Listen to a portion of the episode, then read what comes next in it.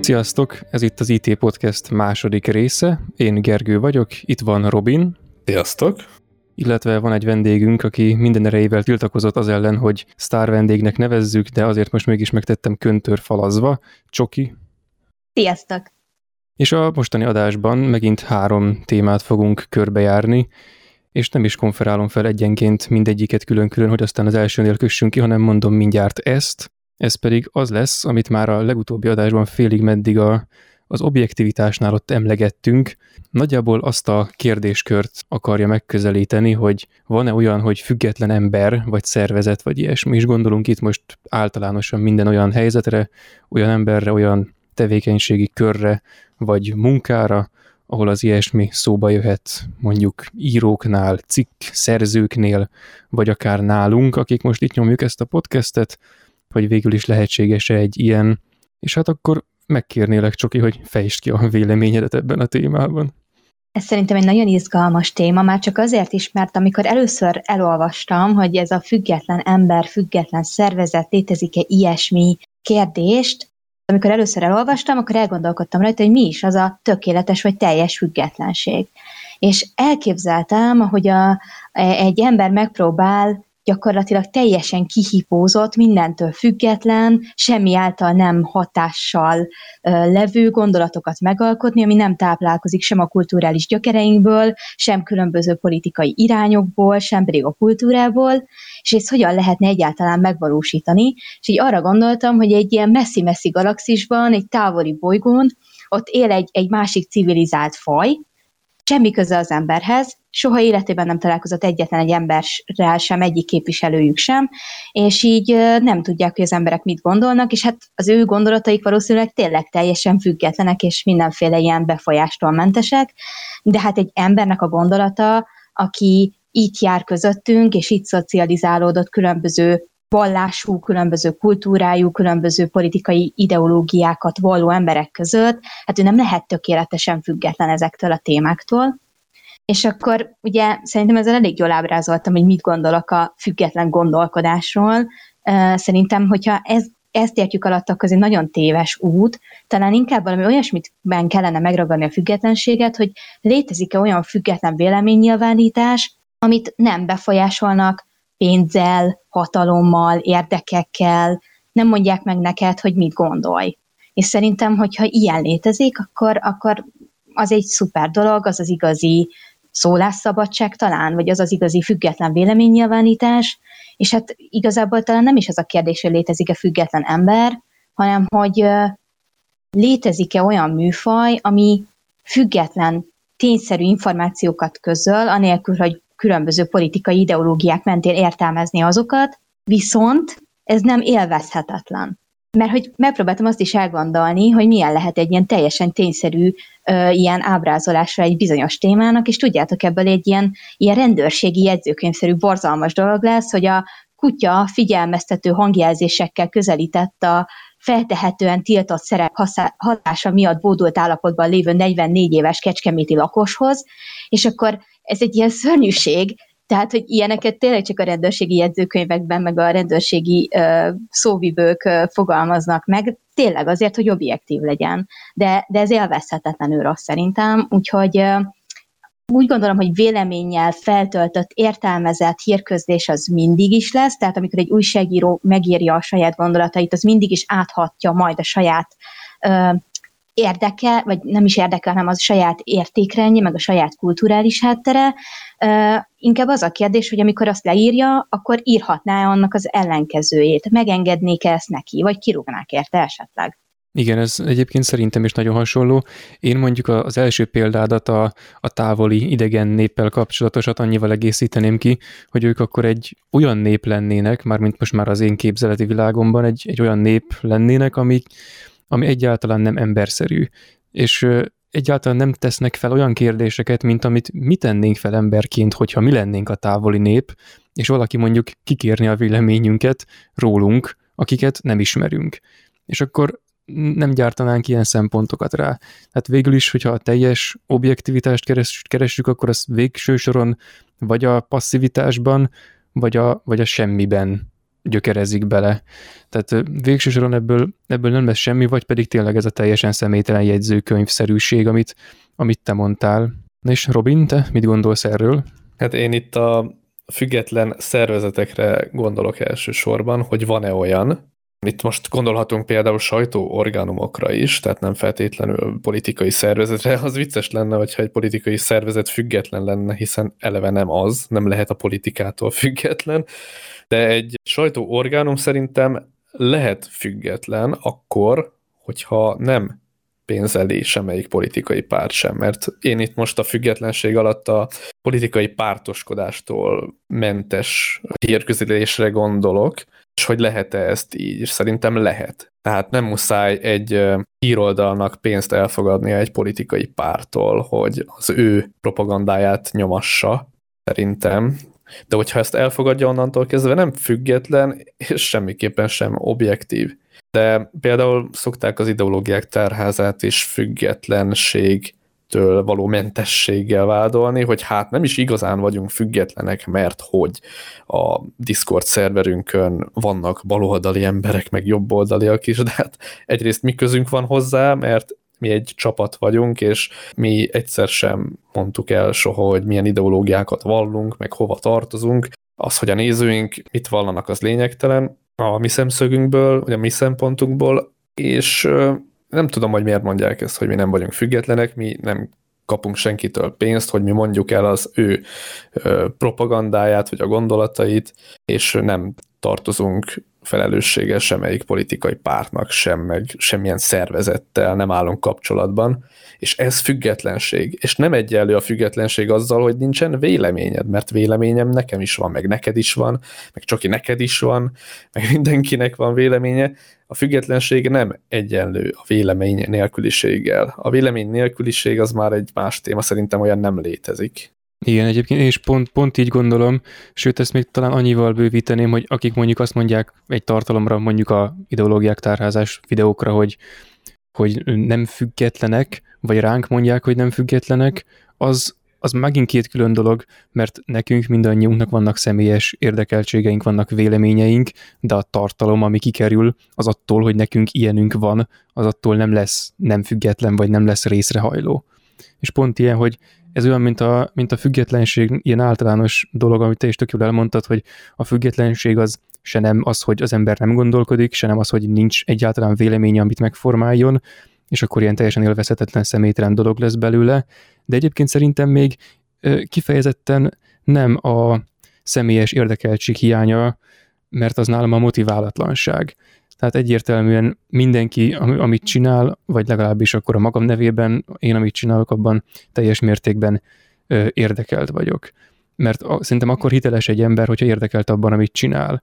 Csak az a, az a lényeg, azon fordul meg ez a kérdés, hogy ő bevallottan az-e, tehát, hogy elmondja magáról, hogy ő most miért csinálja ezt, amit csinál, és ha ezt megteszi, akkor még szerintem azzal sincs gond, hogy pénz, hatalom és ilyesmi közre játszik, mert semmi nem lesz attól kevésbé legitim tartalom, hogy részrehajló, csak tudjuk róla, hogy részrehajló, és, és ne köntörfalazzon. Csak ugye ez meg egy olyan dolog, hogy ez meg egy idea, mert nehéz ellenőrizni, viszont könnyen lehet vádaskodni, anélkül, hogy az ember bármit, bármi tényleges dolgot kitalálni, vagy, vagy rá tudna bizonyítani, és akkor ebből mindenféle cuccok össze-vissza, mindenféle tévképzetek elkezdenek terjedni.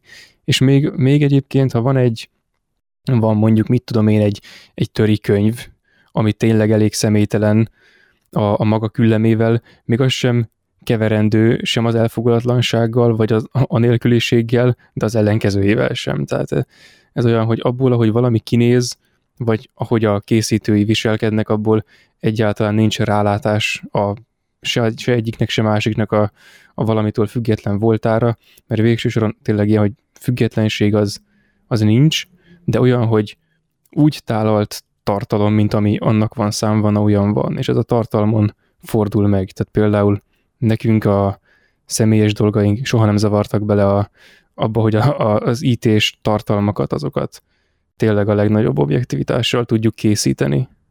Na, szerintem egyébként megragadtuk itt a, a leglényegesebb dolgot, hogy valahogy az emberek, amikor ezt így hallják, hogy függetlenség, vagy független uh, orgánum, vagy független újságírás, akkor mindig valami egészen furcsa, szürreális dolgot várnak el az emberektől, vagy az újságtól, amit szerintem lehetetlen uh, teljesíteni. Ugye rengeteg ilyen szenáriót lehet elképzelni, ami különböző módon ugye ilyen megvalósulhat egy, egy szerkesztőségben. Lehet például az, hogy annál, a, annál az újságnál tényleg soha semmilyen politikai párt nem adott annak az újságnak pénzt, viszont az újságíró maga tényleg nagyon elkötelezett egy párt iránt, és ilyen végtelenül politikai és valamelyik oldal iránt elfogult tartalmakat gyárt.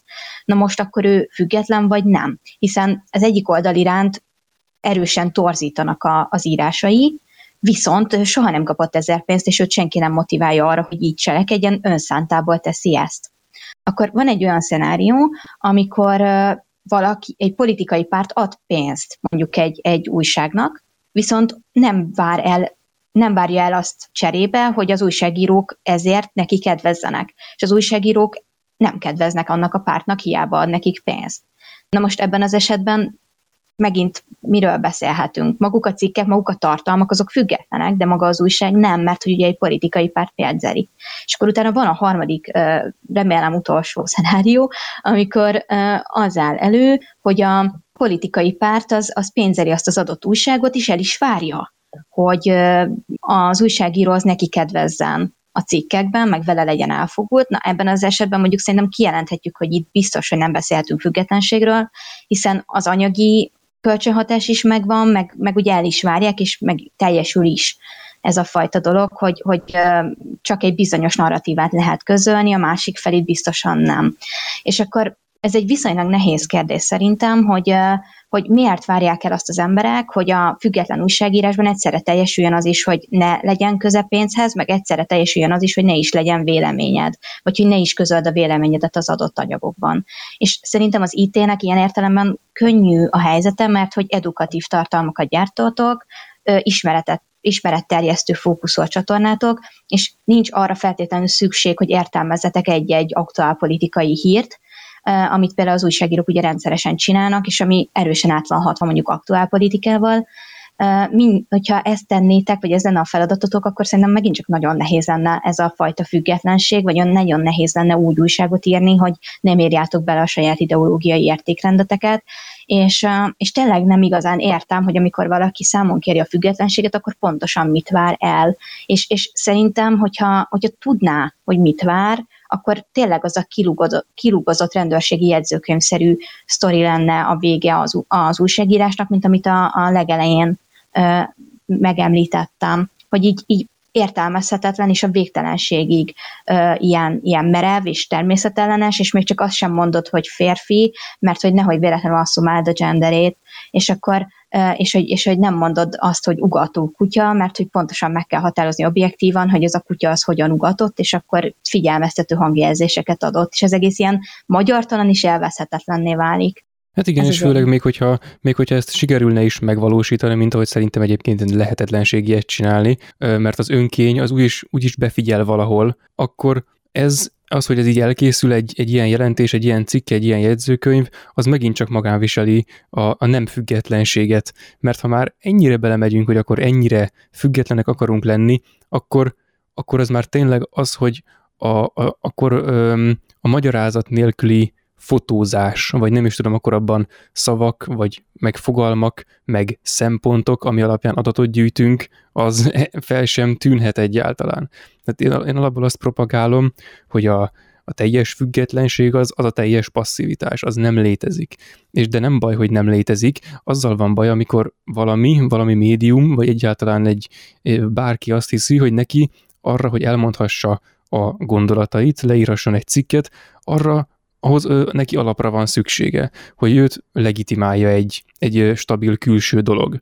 De ugyanilyen egyébként az is, amikor valaki így minden szóra elkezd rákérdezni, hogy mi az, mi az, hogy ajtó, meg mi az, hogy nem tudom, és akkor menne a végtelenségig a, a hülyéskedés. Ez olyan, hogy amikor az ember nagyon tudományos jellegű, nagyon személytelen, nagyon száraz dolgot akar írni, akkor egy, egy idő után beleütközik abba, hogy igazából ez teljességgel kivitelezhetetlen. Még a matematika is megáll a halmaznál, meg az ilyeneknél, tehát valamit már nem magyaráz meg, mert azt úgy legyünk szívesek, és tudjuk, hogy mi az.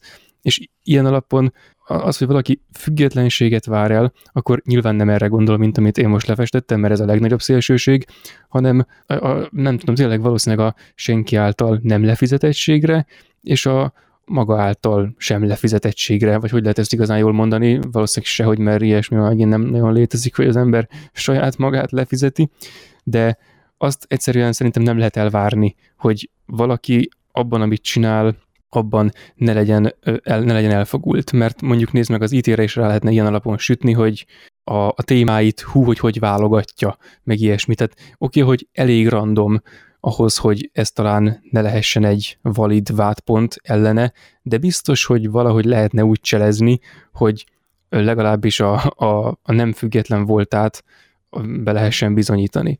És ez a, ez a sima kukocoskodás, én ezt rossz indulatnak látom, viszont alapból a függetlenséget, mint olyat, azt én meg feloldanám az általános korrektségnek a fogalmában, az meg tényleg nem tartalmaz mást, nem tartalmaz annál többet, mint hogy aki amit csinál, azt bevallottan úgy csinálja, ahogy csinálja. Tehát nem, nem kell köntörfalazni.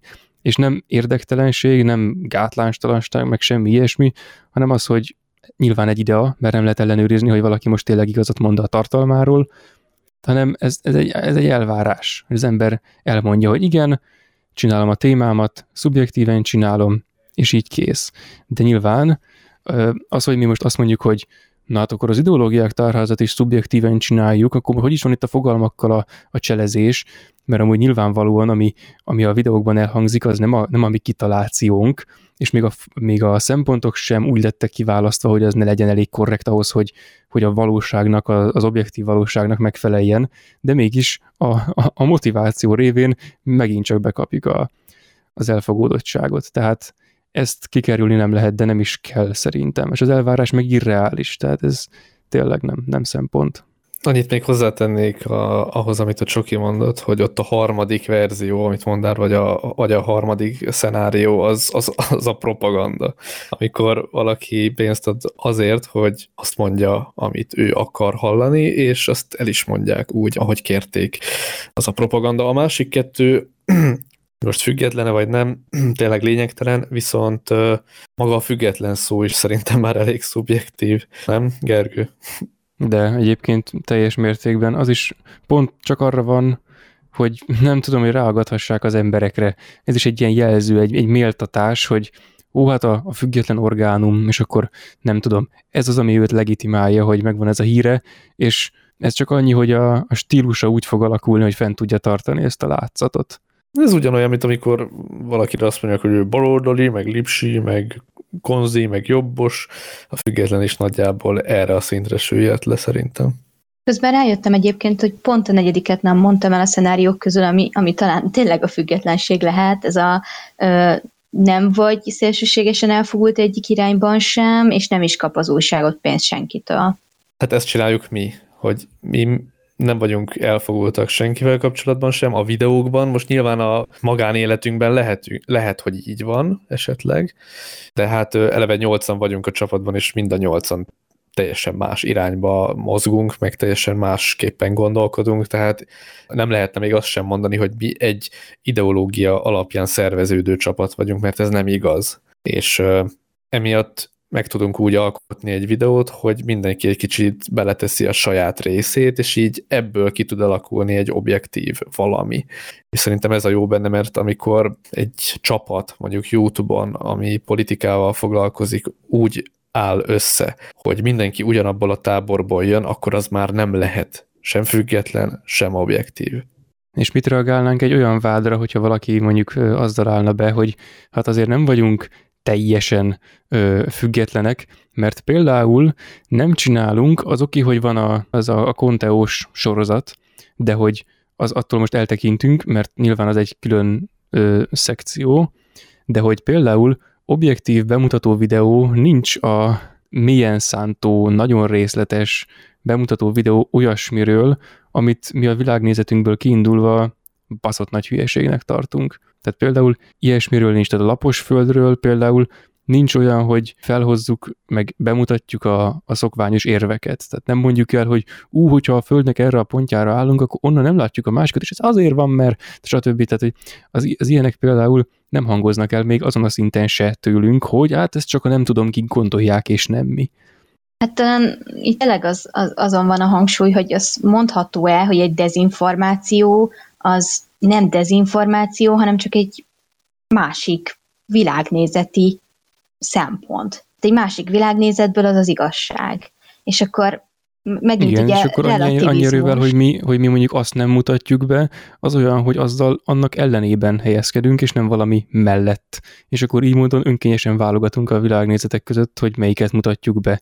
És akkor ez olyan, mintha döntöttünk volna az alapján, hogy melyik a valódi, melyik az igaz, és csak azt mutogatjuk. A konteók, amiről beszélt, ez egy más téma, ott csak azokat a konteókat mutattam benne, ami teljesen nagy fasz, tehát most az, hogy nincs gravitáció, mert biztos van ilyen konteó is, hogy nem létezik gravitáció, most érted erre, mit mondasz erre? Nem tudod azt mondani, hogy az az ember nem hülye. Viszont az, hogy szkeptikus valamivel kapcsolatban, egy olyan dologgal kapcsolatban, ami nincs bizonyítva, meg cáfolva sincs, az más. Tehát az, az szerintem a normális konteó.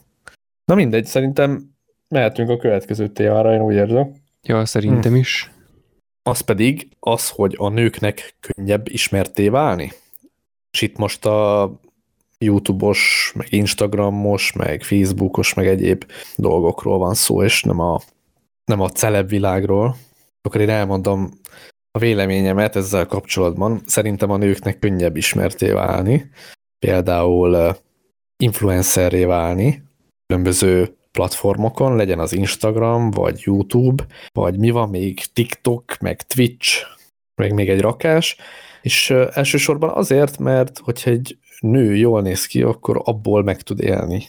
És ez nem csak a, a az utcán igaz, hanem az interneten is, így a Youtube-on is, vagy bárhol máshol, hogy egy kicsit lengén öltözködik, már rengeteg követőt tud szerezni, és ezt nagyon sokan észrevették most a Twitch-en is például, hogy, hogy már ez a kis medencében fürdőskézés bikiniben megéri a lányoknak, mert nem kell hozzá szexelni, nem kell hozzá teljesen pucérnak lenni, és mégis rengeteg pénzt tudnak vele keresni és YouTube-on pedig egyszerűen csak, hogyha valaki szép, már szerintem többen nézik, mert rajta van mondjuk az indexképen a szép lány nagy mosolyjal, és rá fognak kattintani. Akkor is, hogyha valami teljesen réteg témáról van szó, mert ott van egy nő, egy test, és a férfiak arra rá fognak kattintani. Ez viszont fordított esetben nem igaz. Szerintem a nők nem kattintanak rá csak azért egy videóra, mert rajta van egy pasi az indexképen. De... Hát a férfiak meg még kevésbé. Ezt akartam hozzáfűzni, hogy a, a nőknek a nézőközönsége az hát a nők és, és a férfiak, és potenciálisan még egy réteg, a, nem tudom, a férfiak nézőközönsége, azok hát potenciálisan a férfiak, meg hogyha ha nagyon, azért, nagyon szalonképes a figura, akkor talán még a nőknek egy hányada.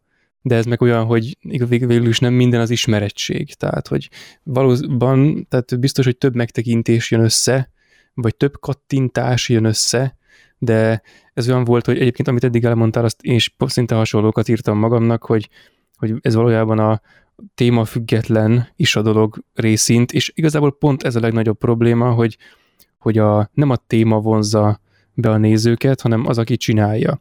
És akkor ez végül is kikalauzolja ezt a kérdést az általános influencer kérdés köré, vagy hova a fenébe, ami az van, hogy végül is az, hogy a tartalom az háttérbe szorul, és a videós személye meg előtérbe lép, az tartalom függő, hogy előnyöse vagy sem. Tehát például az ismeretterjesztő tartalmaknál nem biztos, hogy annyira jó, hogy csak azért nézik, aki csinálja, de mondjuk a, nem tudom, a szórakoztató tartalmaknál meg kifejezetten előnyös. És akkor ebből, ebből a képletből most az látszik kijönni, mint hogyha egyrészt a nőknek könnyebb lenne érvényesülniük a megtekintés számban, ám de hátrányosabb helyzetben lennének abban a tekintetben, ha esetleg komolyabb témájuk van. Mert ö, alapból nehezebb, nehezebb nem, nem magukat átadni a videóban, hanem a témájukat. És ez ilyen, ez nem tőlük függ, nyilván ez egy ilyen eldöntött, vagy hát eldőlt dolog, mondjam személytelenül. Hát én most nagyon igazat adok neked, Gergő, szerintem abszolút uh, igazad van, és uh, szeretnék egy picit messzebbre menni. Ennek az egész ilyen Hát ugye gyakorlatilag, amikor, amikor így nézettségről beszélünk, meg arról, hogy ki mennyire sikeres így az online térben, ez valamilyen szintű marketing. És régen mondjuk még a tévés marketingben nagyon jól látszott, hogy a termékeknek, tehát a vásárolandó termékeknek a jelentős részét nőkkel reklámozták. Na most miért? Azért, mert most vagy sportkocsit akarsz árusítani, és abban nyilvánvalóan egy szexi nőt kell beleraknod ahhoz, hogy egy férfit motiválja vásárlásra, vagy azért, mert konyhai háztartási termékeket fog, kell reklámoznod, amit, eh, amit nők fognak megvásárolni többségben, ugye a, a családi bevásárláskor, ezért pedig hasonló nőket kell odaraknod, hogy velük tudjanak azonosulni, tehát hogy nőkkel fogod reklámozni, vagy pedig, és ez a kedvenc kategóriám, férfi kozmetikumokat reklámozol, amit szintén nők vásárolnak meg, és ez, ennek volt egy ilyen, egy ilyen fordulás, amikor rájöttek, hogy, hogy nem túl jó ötlet nőkkel reklámozni a férfi kozmetikumokat, hanem kezdjenek el nagyon szexi férfiakkal férfi kozmetikumot uh, reklámozni, mert, mert hogy annyira a nők vásárolják a férfiaknak a borotva pengét, meg a dezodort, meg a nem tudom micsodát, hogy, hogy nagyobb vásárló felhajtó ereje van annak, hogyha ilyen nagyon-nagyon dögös csávókat raknak oda. De ez csak és kizárólag erre a termék kategóriára vonatkozik, minden mást egyébként nőkkel reklámoznak, tényleg. És Igen, a... de amúgy csak egy zárójel ahhoz, amikor mondtad a, a, nem tudom én, a konyhai meg háztartási eszközök, hogy azok azért is lehet, hogy nőkkel reklámozódnak, mert ha éppen van valami, amire szükség van, és akkor pont a férfi megy el vásárolni, akkor ha egy mosolygó nőt látna a fakanál mellett, akkor lehet, hogy nagyobb ö, százalékban veszi meg. Tehát, hogy így nem tudom, ez elég primitív ráutalás, de az a baj, hogy ez, ez nem is egy túl bonyolított helyzet sajnos, tehát ez lehet, hogy tényleg ennyi. Hát sajnos tényleg ennyi, és egyébként, hogyha, hogyha lehetek ennyire szakmai, akkor ugye ez a heurisztikák miatt van így, mert hogy amikor eldöntöd, hogy mit akarsz megvásárolni, akkor nagyon nincs arra időd általában az ordító gyerek és a lejáró parkoló jegyet között, hogy így rendesen végig elemezd, hogy ár-érték arányban melyik fog neked előbb jobban beválni. Szóval nincs rá, nem tudom, hosszú tíz percek, meg órák arra, hogy ezt eldönts, és ezért ilyen nagyon felszínes ingerek alapján fogsz dönteni. És az ilyen leg, ősibb, legprimitívebb emberi motivációkra hatnak ilyenkor a marketingesek, és hát ennek az egyik része az ilyen szexuális viselkedés, és tényleg a marketingnek kétféle verziója van, vagy azonosulni akarsz vele, tehát ilyenek igen, tehát hogy vagy azonosulni akarsz vele olyan szépé, olyan háziasan, olyan szép otthon teremtő asszonykává akarsz válni, és akkor azért veszed meg azt a terméket, vagy pedig te férfi vagy, és felkelti a, a szexuális érdeklődésedet az adott nő, és akkor azért fogod megvásárolni a terméket. Vagy tényleg... mert vagy mert egy olyan szép házias asszonyt remélsz otthon eredménynek, amikor előállsz azzal, hogy mit vásároltál. Mert az is lehet, hogy, hogy nem tudom, bemegy az ember férfiként, kikalkulálja, hogy most éppen melyik lenne a legpraktikusabb, stb., de annak nem biztos, hogy egy mosolygó feleség lesz az eredménye otthon. és akkor a módosítás bejön tudat alatt megint. Wow, igen, mondjuk ennyire komplexen nem gondoltam végig, hogy egy, mondjuk nem, valószínűleg azért, mert hogy ugye nem vagyok férfi, tehát viszonylag nehéz végig gondolnom, hogy, hogy egy ilyen házias asszony a tévében az milyen hatást vált ki egy férfiból, a fokalmam sincs. A járreklámok az belőletek mit váltott ki? Nem nézek tévét. Na, az értelmiség, én sem nézek tévét. Szóval a, tehát ugye ez a marketinges ilyen black magic az, ami szerintem, ami, a, amiből ez az egész elindult, és hát az influencerek, az Instagram influencerek, ők termékeket adnak el. Régen modellekkel, meg ilyen kis színész palántákkal értékesítették a reklámfilmekben a termékeket, most már élő, lélegző, két lábon járó uh, ilyen hirdető plakátok uh, értékesítik a termékeket a saját Instagram profiljukon, és hát természetesen, hogyha egy szép nő vagy, akkor nagyobb valószínűséggel adod el a terméket, mint ahogy ez mindig is így volt. Amióta létezik marketing, amióta létezik plakát, pin-up girl hogyha egészen messzire akarunk elmenni, tehát amióta léteznek plakátok, meg létezik marketing, azóta konkrétan a, a szép nő az mindig preferáltabb volt, és mindig jobban adott el terméket, és mindig név, nagyobb népszerűségre tett szert, mint az összes többi emberi kategória. Esetleg még a cuki kisbabák tudnak velük versenyezni, és hogyha nem az emberi kategóriából beszélünk, akkor a cuki kiskutyák. De jó kis cicák, tudom, az, az IT ah, podcast. A cica azért az, igen, az nem mindegy, az egy, az egy kvalitás itt a csatornán. Így van. Tehát ilyen cuki kis cicák. De egyébként ez, ez tök jó, amit, amit mondtál erről, meg az analógia is tök faszán átvezeti a, az influencerek közé a, a kérdést, de én egyébként azt legalábbis én úgy gondolom, hogy ez nem, nem feltétlen onnan mászott át, hanem itt is kifejlődött ugyanaz. Tehát elkezdődött, és ez, ez egyébként nagyon rossz, mert még a marketingesek azok úgy csinálják, hogy eltervezik. Ők, nem tudom, kiszámolták, hogy a nőkkel jobban lehet eladni. Na de itt már azért fordítva van, tehát a, a TikTokon, meg a, mit tudom én, ne, nem vagyok TikTokon, de már Instagramon se egyébként, nem mindegy, szóval az ilyen helyeken, ahol ez megy, ott valószínűleg előbb voltak azok, akikkel értékesíteni lehet, mint ahogy egyébként talán a, az átlagos Twitch streamerek is előbb voltak, mint a beruházók, akik velük reklámoznak. Tehát itt létrejött egy erre alkalmas platform, mert mert ez a, az online statisztika nézegetés meg bizigerálás, ez olyan, mint a, mint amikor futni kell, és akkor valakinek nagyon nem megy, és oda küldenek mellé egy másikat, hogy na húzzad. És akkor mindig csak mindig lépésről lépésre, nem tudom, egy idő után mindenki valamennyit tud futni mégiscsak. És ez pont ilyen, mint a játékokban, ahogy megy a szintlépés, hogy na már csak ennyi XP kell, akkor azt már lefejleszti, na most már csak ennyi megtekintés kell, most akkor mindjárt meg lesz a 800 ezer, stb. És akkor így könnyebben ráveszik magukat mindenkik, hogy ö, a tartalmukat úgy fejleszék, vagy önmagukat olyan irányba hát torzítsák, hogy ezt a kifejezést használjam, hogy abból végül egy olyan platform fejlődjön ki, amin gyökeret tud ereszteni ö, olyasmi, hogy az már nem is nem is egy megcsinált, tehát ilyen szempontból, mint ahogy a marketing, így már nem is támadható, hanem organikusan a maga jogán lett ilyen. És ez, én ezt egyébként még kellemetlenebbnek tartom, mint csak úgy simán a nőkkel való reklámozást, és nem a fehér alapon fekete betűs csomagolásokat. Itt még el akarnék mondani, hogy volt a Twitch-en, hogy hát még mindig van, amit az előbb is mondtam, hogy tudjátok, ilyen kis medencében pancsolnak a lányok, és írogatják magukra a feliratkozóknak a, a neveit, a felhasználó neveit. Ezt megcsinálta egy faszi is, és azt letiltották. Hát mondjuk én egyébként elég sok olyan videót is láttam, ami pont ilyen, ilyen fail videó, hogy nem tudom, a, a csaj éppen villantan, és hopp, lebannolják a Twitchről, tehát ez az ilyen, most akkor röhögünk egyet rajta, de úgy el tudom képzelni, igen, hogy, hogy ne, náluk ez még jobban is meg van engedve. Igen, nekik csináltak már egy külön kategóriát is Twitch-en. Ja, a medencés lányok kategória? Hát valami olyasmi, nem is tudom, valami beaching, vagy nem is tudom már mi az. Hát abból csak egy, na jó, nem mondom, Ilyen hogy fürdőzés kategória, vagy mi a tököm, és direkt nekik csinálták, mert a Twitch rájött arra, hogy rohadt sok bevételük lesz ebből, hogy ezeknek a lányoknak fizetnek random emberek, mert ugye abból részesedik a Twitch is, és ez most sokkal jobban megy, úgy tűnik, mint a gaming, amiért eredetileg létrejött ez a platform. Most már megy a bitching. Jaj, most már a bitching, igen, most már az megy, Azért vegy, védjük meg egy kicsit ezeket a lányokat, bár nagyon nem akarom. Tehát, hogy az én erkölcsi értékrendemnek pedig én egyébként nem tartom magamat túlságosan konzervatívnak, de ezért ez kiveri a biztosítékot rendesen.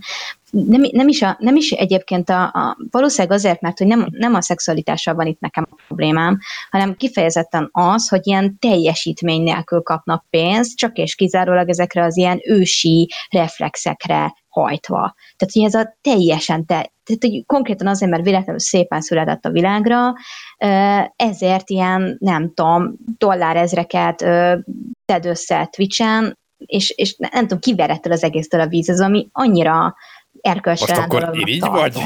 És lehet, hogy irigy vagyok, igen, benne van, de hogy biztos, hogy így vagyok? Tehát, hogy mindenki, aki ennyire jól néz neki, az összes szép lányozott pucsítana abban a medencében, tangában, tuti biztos? Én azért fenntartanám a lehetőséget, hogy, hogy, hogy talán mindenkinek lehet, vagy bárkinek lehet egy olyan szilárd értékrendje, ami azt mondja, hogy nem, köszönöm, én esetleg szeretnék valami érvényeset tenni ebben a világban, szeretnék valami teljesítményt letenni az asztalra, és hogyha ez tényleg olyan értékű, akkor kérem szépen érte a pénzemet.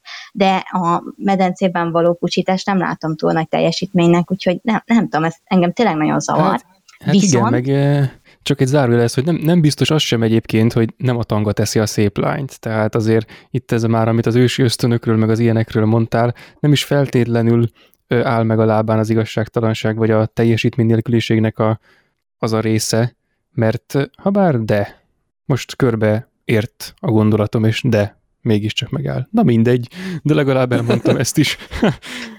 Szóval igazából azt akartam mondani, hogy én úgy olvastam, hogy a Switch most elvette tőlük a reklámpénzeket, mert azért nem csak én gondolom úgy, hogy ezért ez egy gáz dolog, hanem egyre többen gondolják úgy, hogy ez egy gáz dolog, meg elég sokan ki vannak akadva azon, hogy most ezeket a csajokat többen nézik, mint a gémereket, meg több pénzt kapnak, meg tehát ez egész ilyen szürreális egyébként, hogy így ilyen soft porn oldalt csináltak basszus egy gyerekek által is rendszeresen használt ilyen gaming platformon, és hogy és most elvették ezektől a lányoktól a reklám bevételt. Hát, igen, de ez ilyen szimbolikus elvétel volt. Kb. a, nem is tudom, 11-14 százalékát érinti a bevételüknek ez a reklám dolog, tehát lófaszt ugyanúgy fogják tovább csinálni, csak meg akartam mutatni a Twitch, hogy fellép ez ellen, tudod, ilyen szuperhősként így megjelent, és akkor na, most teszünk valamit, de egyébként így az asztal alatt kezet fognak egymással, és csináljátok, csak mert jó sok pénz van benne, szóval ez ilyen guztustalan szerintem.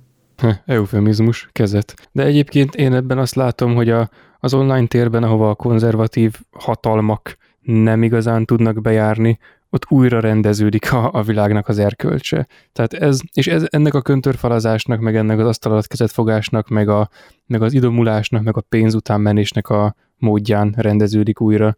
Tehát így túl sok jót egyébként nem remélhetünk tőle, de az biztos, hogy ez már nem a hagyományos módja.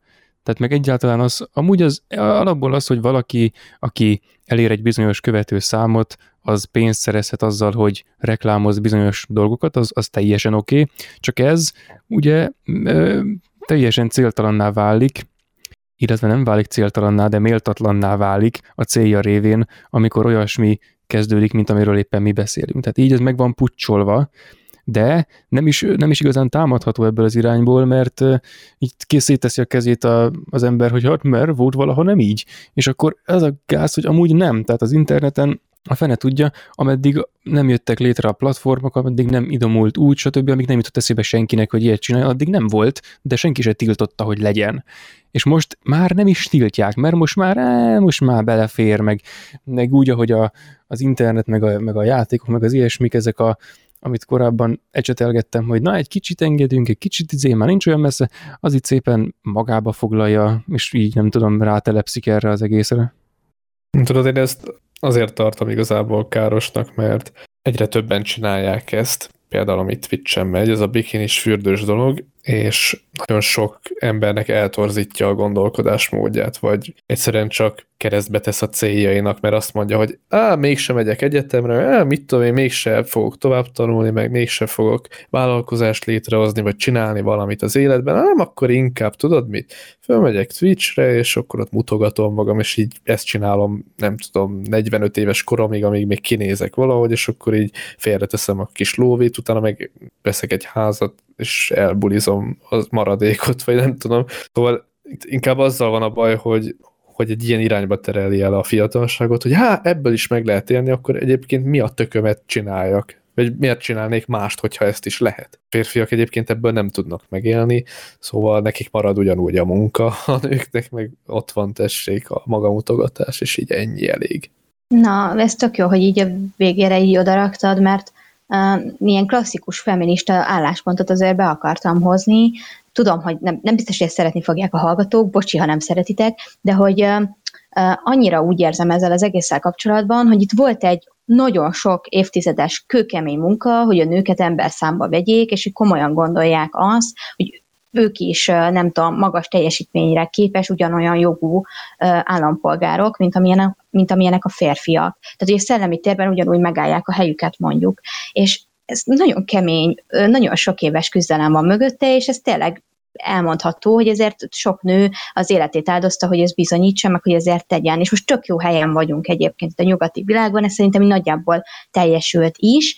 Viszont amikor a nők maguktól ilyen helyzetbe hozzák magukat, akkor egy kicsit ezt így pofon verik, és egy kicsit néhány évtizeddel így visszacsúszunk ebben az egész küzdelemben, és annyira nem tudom, ilyen tényleg ilyen felzaklat az egész, hogy hogy ugye folyamatosan challenge van ez az egész kérdés, hogy szükségesen még feminizmus jelenleg. Hát lehet azt mondani, hogy nem, hiszen ugyanolyan jogú állampolgár vagyok nőként, mint bármelyik férfi. Viszont amikor ilyenek történnek, akkor én azt gondolom, hogy igen, de nem úgy, ahogy eddig volt, hanem arra, hogy a saját saját magunkat edukáljuk, saját magunkat ö, ö, hozzuk vissza abba a helyzetbe, ahol megtanuljuk értékelni, amink van, és nem tudom, így reflektálni arra, hogy esetleg nem kéne visszamenni egy, egy sokkal sötétebb múltba, ahol nekünk nagyon rossz volt. És tényleg ezzel van a, igazából talán, e, talán ezzel van a legnagyobb probléma, meg ez ebből akad, vagy fakad az, hogy ilyen felzaklató élmény nekem ezzel az egésszel foglalkozni, hogy hogy az én értékrendem az pont ez az intellektuális terben való működés, én erre vagyok büszke. És ezek a csajok, ezek, ezek egy kicsit ezt így, így, nem tudom, lerombolják nekem. Tehát, hogy velük kellene közösséget alkotnom, mind a ketten nők vagyunk, de olyan, mint hogyha két különböző fajból származnánk, mert hogy az ég egyat a világon semmi közös nincs bennünk az alapján, amit ő mutat magából. És talán ez itt nagyon fontos, hogy mit mutat magából, mert több százezren nézik. És most Igen. itt felmerül a kérdés, bocs, kérül, hogy, hogy ezek a kislányok, mert amúgy már 16 évesen már nyomják ezt, hogy ezek kurvák-e? Hiszen a testükből élnek, így is, nem? Természetesen nem kurvák. Egyébként ez olyan, hogy igen, nem kurvák, de azért nem kurvák, mert a hagyományos értelemben vett erkölcs ott már nincs. És akkor ez egy mázli, hogy én most nem kell kurváznom őket.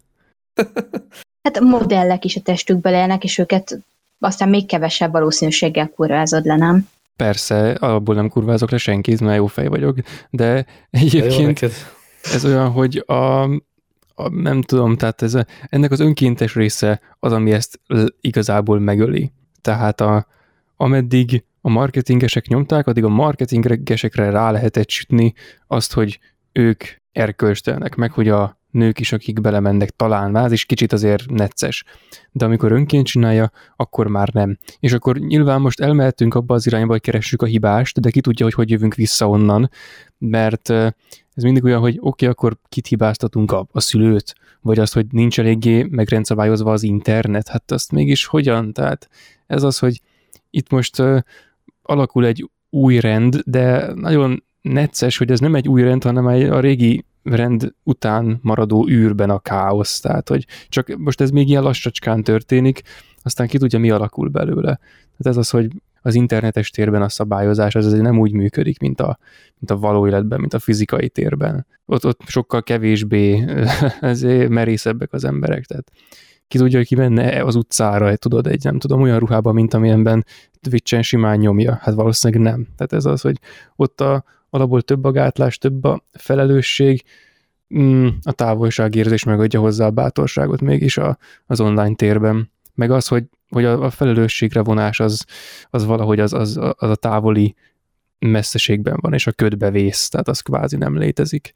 A felelősség se igazán belegondolva. Még visszatérve egy kicsit a YouTube-hoz, mert arról keveset beszéltünk. Én ott azt, azt vettem észre, hogy ha valaki nő, akkor már ilyen pár ezer feliratkozónál egy rakás szponzorációt kap, lehetőséget, és minden is szokták vállalni, és mindegyik általában elég fos.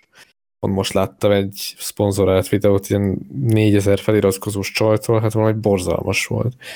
Rettenetes. És rohadtul sokan megnézték a feliratkozó számához képest, csak azért, mert egy nő volt az indexképen, aki egyébként szép. Amit bemutatott, az meg nem káros, de ahogy bemutatja, az az. És nekem ez nem tetszik, hogy már itt tényleg dobálják a szponzorációkat olyan embereknek, akik nem tudnak értelmes videót gyártani arról, meg egyáltalán miért kell minden szart elvállalni, mint régen ezt a bongó fasságot, mi jól lehúzta a családokat, mert, vagy megkárosította a családokat, mert nálunk is még a kishugom az ö, bongózott, és elköltött egy rakás pénzt konkrétan, és ilyeneket szoktak hirdetni ezekkel a kis feliratkozó számú lánykákkal, és például ezt károsnak tartom. És nem véletlenül, hogy férfitól még nem láttam ilyen videót, ami, tehát olyan férfitől, aki alacsony feliratkozó számmal rendelkezik. Igen, ez egyébként ugyanaz a, régi világból jövő lelkület, ami a, a nem tudom, a mindenféle mm, háztartási eszközöket, meg az ilyeneket nőkkel reklámozza. Ez az, amikor Csak mert ez, szerintem ez nem ugyanaz a kettő, mert ez az, amikor az egyik bemászik a netre, és a másik meg az, amikor önként csinálják, amikor a neten születik. És a, nem is tudom, mert amikor már úgy indul a feliratkozó, meg a, a követőgyűjtés, hogy az már nem belefut a maga mutogatásba, hanem azzal kezdi, arra játszik, az már egy, egy mélyebb ponton szar, mint ez a másik, hogy, hogy nem tudom, van, van a kis csaj, bemutatja a kis tucot, oké, hogy kurva béna, és leolvad az agya, amikor megnézem a videót, de azért még, még nem tudom, még mint hogy bent lenne egy határon belül. Oké, hogy az a határ már annyira ki van tolva, hogy nem is tudom, meddig tart az inger küszöböm, de, de igen, tehát szerintem ez a kettő valamennyire különbözik. Nem mondom, hogy, hogy nem gáz mindkettő, mert kurvára az, csak hogy valamennyire különbözik. És akkor most pontosan itt mi ez a két dolog? Az egyik az, amikor egy cég megkeres téged, pont a marketing osztály, hogy légy szíves, reklámoz már nekünk ezt a terméket egy videó erejéig, a másik meg az, amikor főállásban folyamatosan reklámfelület vagy.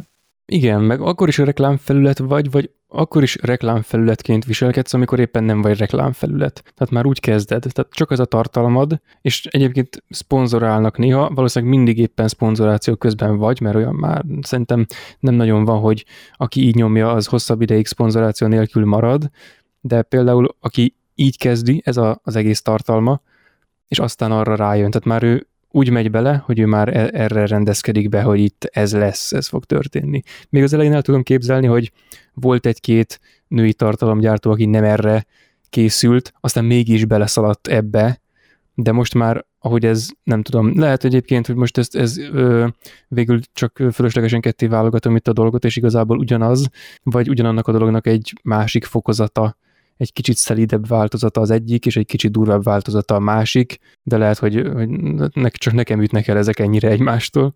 Nem, én ott egyébként szerintem megint az érvényességben, meg a teljesítményben keresném a különbséget. Tehát, hogy van-e egy olyan tartalmad, van-e egy olyan célod a saját online jelenléteddel, aminek van értelme, ami értékes valahol. És itt uh, tényleg valami, tehát, hogy most, most rohadtul el, elitista leszek, valami olyan, ami vagy szórakoztató, vagy érdekes, vagy releváns, reflektál valamire, következik belőle valami. Tehát, hogy legyen már valami súlya annak, amiért ott van az interneten, ne csak azért legyen ott, mert unatkozik.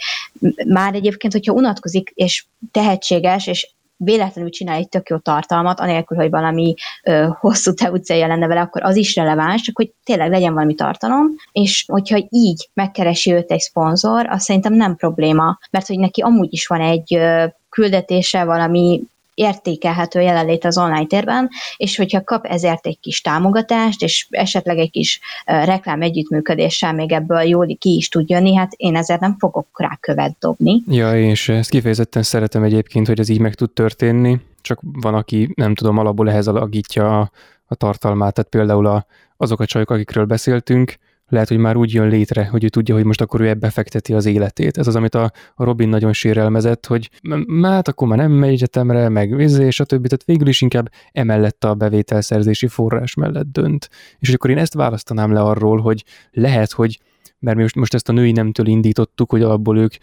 arra vannak berendez, berendelve, ezt már nem tudom személytelen alakba tenni francia meg, hogy akkor is, hogyha esetleg éppen korrekt tartalmat csinálnak, sem feltétlen nézik őket a korrekt tartalmuk miatt, hanem inkább miattuk. És akkor ennek a szélsőséges változata meg a másik. Igen, és akkor itt most fogadjuk, vagy ragadjuk meg azt, hogy, hogy azért ez, ez drámai, tehát hogy azért a szívás, hogy azok a lányok, akik egyébként tényleg jó tartalmat akarnának gyártani, nekik milyen nehéz az, hogy ne azért nézzék őket, mert szépek, hanem azért nézzék őket, mert jó, amit csinálnak. Vagy hogy mennyire nehéz mondjuk tudományos témákban mondjuk hihetően előadni egy nőnek, úgyhogy a, a közönsége azonnal elfogadja, hogy ő abban szakértő. Ez kifejezetten nehéz, ugyanígy a heurisztikák miatt, mert hogy általában tudományos szerepekben férfiakat szoktak látni az emberek, nem pedig nőket.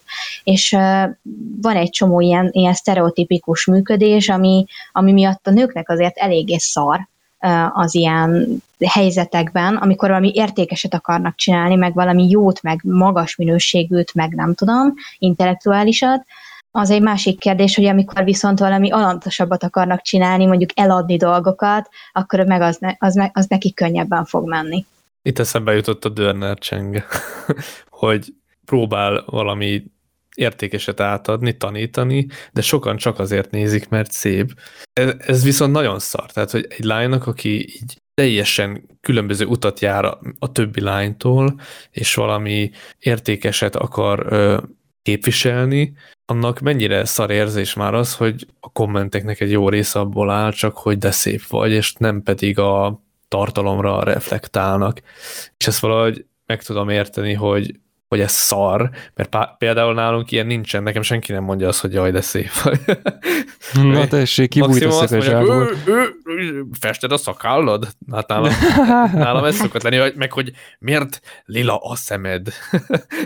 ja, nekem meg az nem, tudod, nekem is a, izé, a, a filós videó alatt az volt a kedvencem, hogy, hogy na mi van, tökön rúgták a másikat az életén a hangja, az volt a kedvencem. Az. ja, hogy téged, téged rúgtak tökön azért ilyen Nem, hogy téged, és abból lett az éhangom. Ja, hogy, ja. Na de egyébként csak izé megkomolyodva, mert amúgy is ilyen monotonabb lett ez a mostani adás. Tehát tényleg ez kifejezetten szívás, hogy nem lehet komoly tartalmat csinálni, vagy pedig ki tudja, hogy lehetne nőként úgy öltözködni, úgy megjelenni, hogy pont azt a, azt az arany közepet lője be, hogy akik azért nézik a, a lányokat, mert szépek, vagy hát igen, azért nézik a szép lányokat, mert szépek, azok már ne nézzék a csatornát csak úgy simán, hanem esetleg szólítsa meg az intellektusokat is, ha van nekik, de ezt most akkor nem illetem kritikával vagy megjegyzéssel, és a másik tábort azt meg ne veszítse el e közben. Mondjuk ez már kicsit gáz, hogy, hogy ezen kell gondolkodni, na mindegy. Ez halálosan gáz, és ez, szerintem ezen vannak igazán a nők felháborodva a nyugati világban, hogy ne kelljen már ebbe e, extra erőfeszítéseket tenni, hogy a, e, kikerüljük ezeket az ilyen szintén ilyen alantosabb, meg ősi. Jó, alantos ez egy rossz mert az értékítélet nem, de hogy ezeket az ilyen ősibb mechanizmusokat. Tehát, hogy miért nem tudunk itt a modern világban a modern standardok mentén működni, és hogy ne kelljen már azért aggódnom, hogy ha én most olyan kivágott pólót veszek, akkor vajon te el fogod-e fogadni azt, hogyha én azt mondom, hogy nem tudom, hogyha mondjuk felolvasok egy, egy fejezetet valamelyik, nem tudom, kedvenc filozófusomtól, vagy elhiszed de nekem azt, hogy tudom, mik azok a Maxwell egyenletek. És akkor mi, miért kell ilyeneken szórakozni? Engedjük már ezt az egészet. Igen, a kihívás onnan, hogy a nő szépen öltözzön, átmegy oda, hogy legyen csúnya. Na hát, hát ez, ez Igen, mert az a már nem jó, hogyha valaki szép is, meg okos is, az, az ha, lehetetlen. Nem, az, az nem lehet, tudod, az, az nem létezik, igen. Sokan tényleg ebből indulnak ki, hogy á, nem, tehát nem lehet. Tehát nem, nem, nem, nem. Ott egy szép lány is ilyenekről beszél, ilyen, ilyen mit tudom én, filozófiáról pofázik. Olvasott egy felezetet a, a Hegelnek a szellemfenomenológiájából. Úristen, az meg, ez, ráadásul németül, na ne, ne, ne. Tehát, az, nem, ezt biztos nem a szájába adták. Ja, előre és... fölvette biztos. Jó, de hát ez egy videó, ó, baszki, nem, én nem lehetek hülye. Igazából ez nem létezik. Na jó. Igen, és akkor Hát igen, Gergő, ez, ez ami nagyon erős fantázia világból jött, tehát én érzem.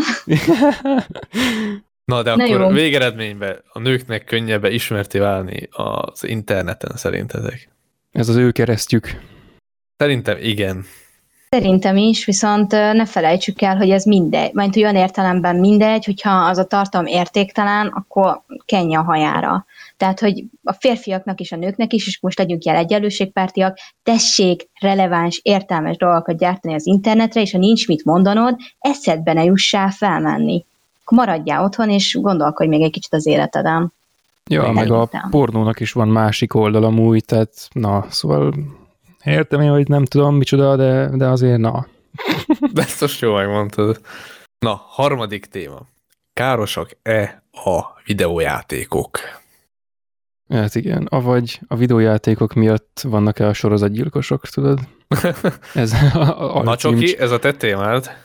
Hát itt van egy erősen tudományos uh, része is ennek a sztorinak, de szerintem még mielőtt ide belecsapunk ebbe a metaanalízises uh, történetbe, ami egy picit uncsi, először, először szerintem beszéljünk egy kicsit arról, hogy ti, vagy mi mit tapasztaltunk így a játékokkal kapcsolatban, hogy itt mind a hárman szerintem mi viszonylag sokat játszottunk. Én mondjuk gyerekkoromban nem, és egyébként ezt is egy ilyen, hogyha már a nőkről beszéltünk az előbb, ezt egy ilyen tök nagy tragédiának tartom, hogy a gyerekekre nagyon erősen hatnak az ilyen normarendszerek. És én egész gyerekkoromban azt kaptam, hogy a videójáték az egy ilyen fiús dolog. Úgyhogy nekem a gyerekkoromban tökre kiesett a videójáték, és most, hogy felnőttként beleszerettem a, ebbe a világba, van egy tíz éves hátrányom és ez azért ez eléggé szar dolog, Úgyhogy szeretném először is kijelenteni, hogy szerintem az agresszív, meg a véres, meg az ilyen, meg a bármilyen videójátékok egyébként a lányoknak is valók, és szerintem tök jól tudnak ők is szórakozni rajta.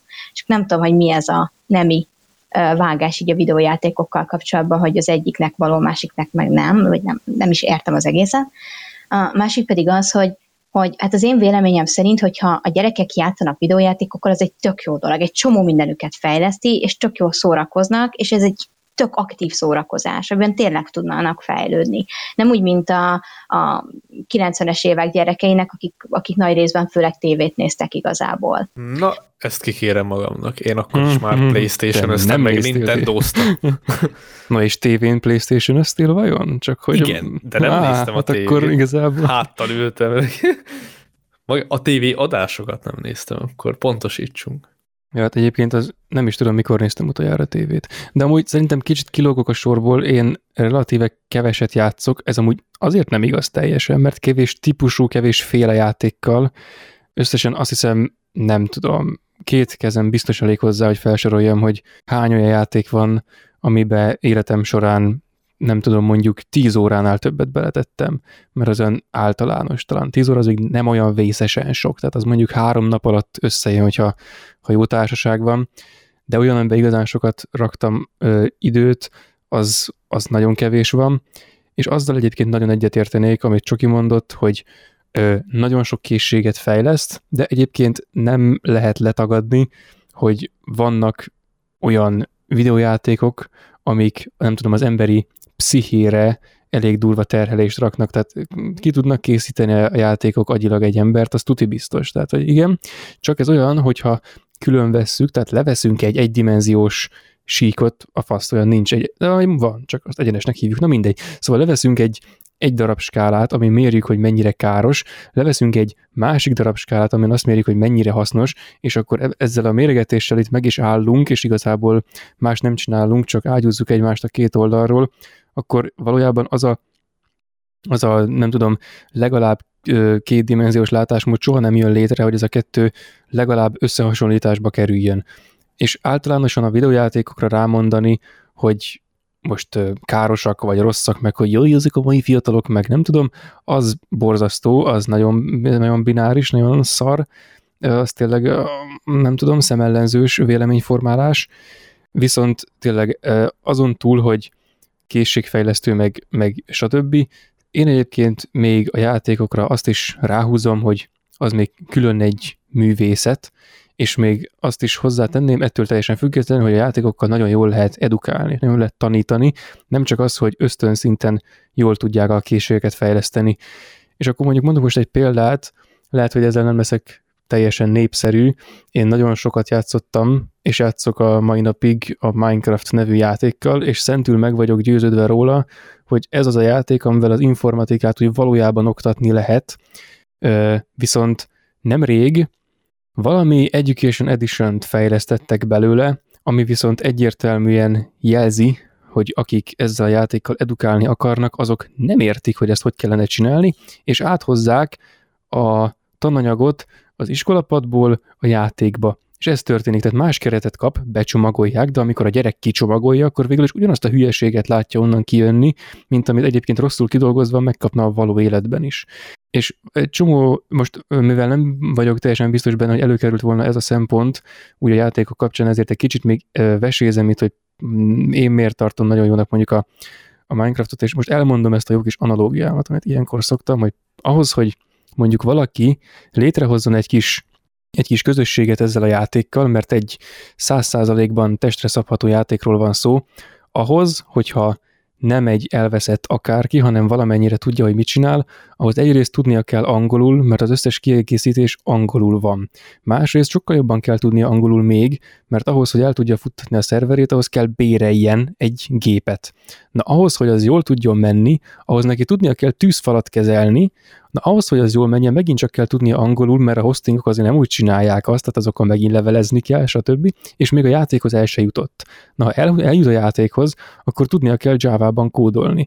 Tehát képben kell lennie a, a, mondjuk, hogy a struktúrált vagy az objektumorientált programozási paradigmával egy modern izé, programnyelvben És ez volt az egyik fele.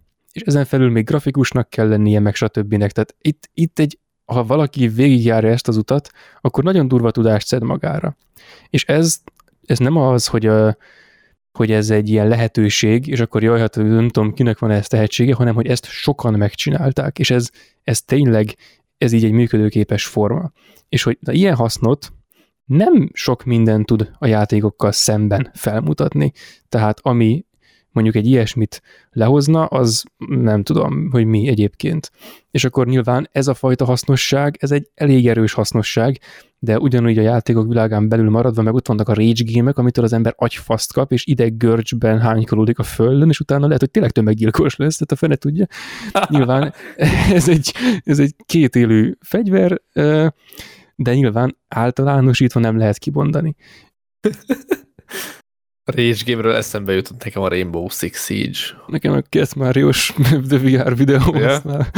Régen sokat Rainbow Six-eztem, és hát mondjuk úgy, hogy nem voltam megfelelő idegállapotban. Nagyon frusztrált voltam tőle, úgyhogy abba is hagytam, meg már nem is játszok nagyon ilyen sőt egyáltalán nem játszok olyan játékkal, ami ilyen, hogy hívják ezeket, masszív multiplayer, amikor nagyon sok emberrel játszol együtt. Tehát nekem azok, azok a rage, a köbön gémek, mert én, én nem bírom elviselni azt, amikor valaki úgy jó, hogy, hogy nagyon jó, és én meg ugye nem vagyok annyira jó, és, és nem tudok olyan emberekkel együtt játszani, akik hasonlóan hozzám bénák, hanem mindig olyan emberekkel kell együtt játszanom, akik túl jók hozzám, és emiatt nem tudom élvezni a gémet, és ez az, ez okozza azt, hogy ideges leszek. Ezért már nem játszom ilyen játékokkal. Szóval ez egy negatív hatás a játékoknak, hogy, hogy előbb bűszülsz tőle, mármint ezeknek a játékoknak. Mondjuk egy Minecraftnál szerintem ilyen nincsen csak azoknál, ami szintén a masszív multiplayerre épül. Én amúgy próbáltam ezt a ezt a Minecraft Education Edition-t, szóval olyan értelemben nagyon érdekes volt, hogy ugye a, a én a kémia részében voltam Ezt én is láttam, igen. A munkahelyem miatt, azért ez nem volt rossz.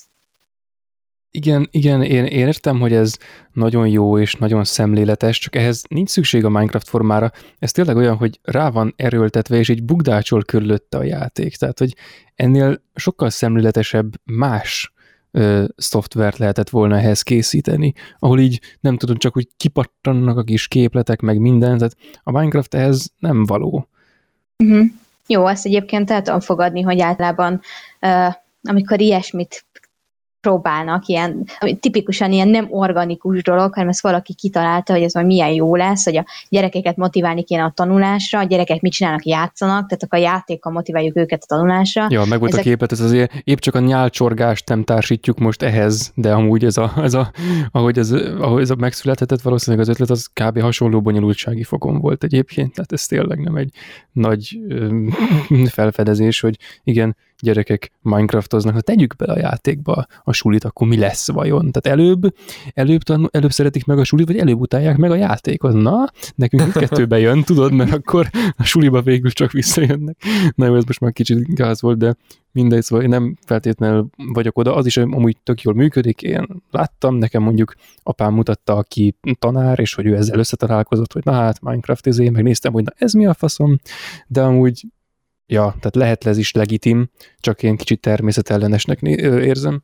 Abszolút az, csak mondjuk tényleg a kémiát iszonyú nehéz oktatni. Képzeld el mondjuk a kémiát digitális térben oktatni, ahol még csak annyi kísérletet sem mm, csinálhatsz meg, mint amennyi nagyon keveset egyébként az iskolában talán meg tudtak volna valami, valami eszköz kell rá, és lehet, hogy igazad van, és sokkal szemléletesebb lenne mondjuk egy, egy kísérletsorozatot bemutató, egy nagyon látványos videó, szépen lépésre lépésre megmutatják, hogy hogy működik a valóságban, és akkor gyönyörű szép ilyen lángoló kísérleteket, meg ilyen-olyan, amolyan reakciókat tudnának még nézni. Lehet, hogy sokkal edukatívabb lenne, meg jobban támogatná az iskolai működés, mint a Minecraft, ahol nem tudom, ha véletlenül rájössz, hogy 6 darab szénatomot, hogyha beraksz a Ugye ezek, az atomok azok rendes kockák. Tehát véletlenül rájössz, hogy 6 darab ö, ö, C betű kockát beraksz, meg ö, H-ból 12 darabot, meg O betűből még hatot, akkor lesz egy cukrod.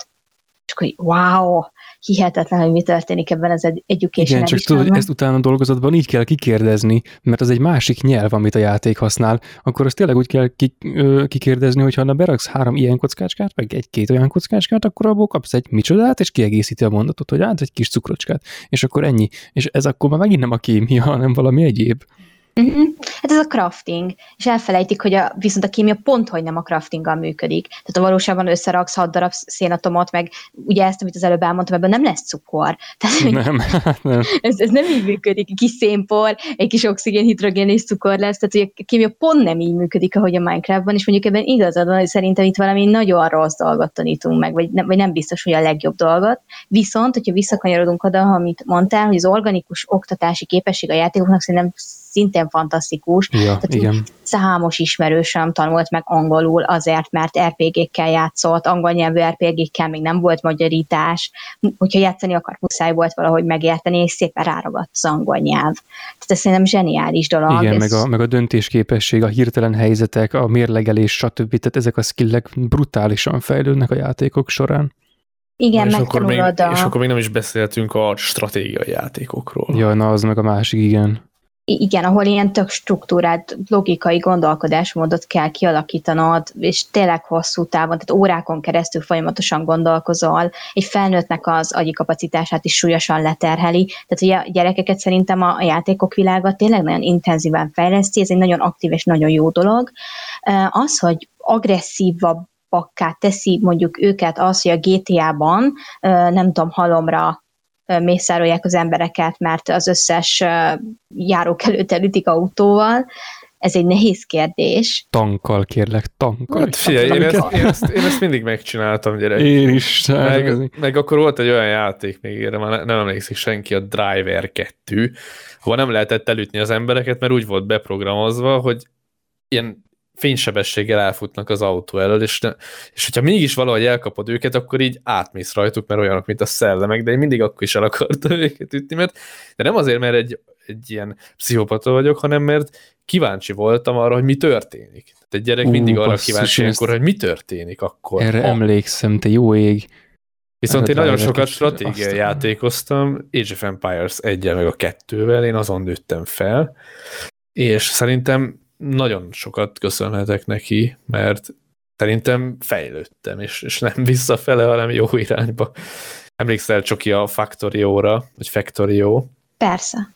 Na, hát nem, nem az erősségem, de imádtam csinálni, és ez azért van, mert én ilyeneken nőttem fel, és én mindig is imádtam ilyen, ilyen struktúrált, stratégiai játékokkal játszani, amik kicsit bonyolultam, meg ilyen logikai dolgokra épül, és ez szerintem a gyerekeknél, hogyha ilyenekkel játszanak, akkor az csak jó lehet, de hát sosem szabad túlzásba vinni a jó dolgokat sem, tehát nyilván az sem jó, hogyha egész nap a gyerek stratégiai játékokkal játszik, mert akkor nem lesz szociális élete. Hát meg külön, különösen azért, mert a mindenféle hát, hogy is mondjam, nem minden játékmechanika kedvez ennek, de sok olyan játékmechanika van, ami nagyon jól kedvez a mikrotranszakcióknak. És már pedig ez ez azért működik annyira jól szerintem, mert fundamentálisan ez a játékokban van. Tehát az, hogy telik a csík, mindjárt van a következő szint, már csak egy kicsi kell, már egy kicsit folytatjuk, ez a kicsi, ez, ez a lényege az egésznek. Tehát, is ezzel, ezt, ez egyértelműen átköltözik abba, hogy most a játékban ezek a minimális ö, tranzakciós dolgok, ahogy előkerülnek, azok egy sokkal könnyebb megítélést kapnak, vagy egyáltalán játéknak érződnek maguk is, és nem pedig annak, amik valójában. És így aztán a nem tudom, a, a pénznek, a, a, meg a gazdálkodásnak, meg az, a, egyáltalán a pénzhez való hozzáállásnak, a valós pénzhez való hozzáállásnak a, a felelősségét, vagy a, a, a tényleg a tapasztalatot, vagy a nem is tudom, a rutint, meg a nem tudom, hogy a pontosan milyen jó szót keresek most, de nem ezt a hármat, amit felsoroltam, na mindegy, szóval azt kigolyózza így módon, de nyilván ez sem igaz minden játékra, még azok közül sem feltétlen az összesre, amikre amúgy igaz, tehát most igen, ezeket a köröket mindegyik játéknál meg kell futni, de például most elég sok előnyét soroltuk a játékoknak, de például az, amit Robin mondott, meg ez a mikrotranszakciós, meg ez a kis izékés faktor, ez egyértelműen egy káros velejárója a dolognak, de ez meg olyan, hogy ez a játék készítőinek a, a felelőssége, úgymond, hogy ö, milyen játékokat csinálnak. És akkor itt bejön az, hogy a, a játékoknak az általános megítélése, az nem csak, meg a besorolása nem csak annyi kéne, hogy legyen, mondjuk egy életkori besorolás, amit mindenki leszar magasról, hanem egy olyan is, hogy, hogy nem is tudom, tehát ez, ez, ez donság, ez valószínűleg nem nagyon ítélnek meg ilyesmi alapján játékokat, hogy most mennyire bassza szét a, a gyereknek a pénzhez való hozzáállását, vagy mennyire lesz tőle bajos, vagy a fene tudja, meg egyáltalán olyasmit, hogy mondjuk egy játékból egy húzatra mennyit érdemes játszani, ilyesmit nem gondolom, hogy bárki is kutatna, de például ilyesmik, ilyesmiket jó lenne így módon optimalizálni a, a játékoknak a, a befogadását. Hát így pszichológiai szempontból egyébként két ilyen fontos részét szokták elkülöníteni a negatív hatásoknak. Ugye sajnos az agresszióval találtak összefüggést, volt ez nagyon híres ilyen metaelemzéses cikk, a 2018-ban jött ki, Anna T. Prescottnak volt igen egy ilyen nagy cikke, ahol iszonyú mennyiségű adatot hasonlítottak össze, és ott találtak összefüggést, nem okokozati kapcsolatot, hanem ilyen együttjárás, tehát hogy az, azt találták meg, hogy az agresszív emberek többet játszanak agresszív videójátékokkal, vagy ugye fordítva, de ezt nem tudjuk az irányt, hogy az agresszív videójátékot játszó emberek, azok agresszívabbak. És ugye itt a újságírásnak hatalmas a felelőssége, hogy ebből az összefüggésben még nem tudjuk, hogy melyik mondat, melyik állítás az igaz. Lehet, hogy egyik sem, lehet, hogy van egy harmadik tényező, ami ezt az, e- mind a kettőt befolyásolja egyszerre, akkor az újságíró ezt is szépen leírja, és akkor ebben már rögtön azt hiszeti az ember, hogy hát akkor a, az agresszív videójátékok agresszívabbakká teszik az embereket, miközben erről szó sincs. Sokkal valószínűbb az, hogy mondjuk a, az agresszívabb emberek azok tényleg szívesebben játszanak agresszív videójátékokkal, hiszen a videójáték jutalmazza azt, hogyha ő agresszív. Pontokat kap érte, nyer a játékban, hogyha jól gyilkol, vagy jól üti meg a másikat, vagy mit tudom én. Igen, tehát végső soron igazából az agresszív emberen, ha feltesszük, hogy van ilyen alapból, akkor nem segít az agresszív videójáték. Tehát én egyébként nem gondolom, hogy a, az agresszív emberség, meg az agresszív videójáték között, nem tudom, valami logikai ekvivalencia lenne, tehát hogy ez a, a kettő, hogyha van az egyik, akkor lesz a másik is, és fordítva, ez így fennállna, de amúgy azt el tudom képzelni, hogy aki ö, olyan környezetben nő fel, hogy ott agresszivitást tapasztal, akkor ő egy agresszív játékban jobban eltájékozódik, tehát jobban megtanulja az agresszivitásnak a nyelvét, következésképpen talán, és a talán a legerősebb szó ebben a mondatban, ezért neki jobban fekszik majd az ilyen játék.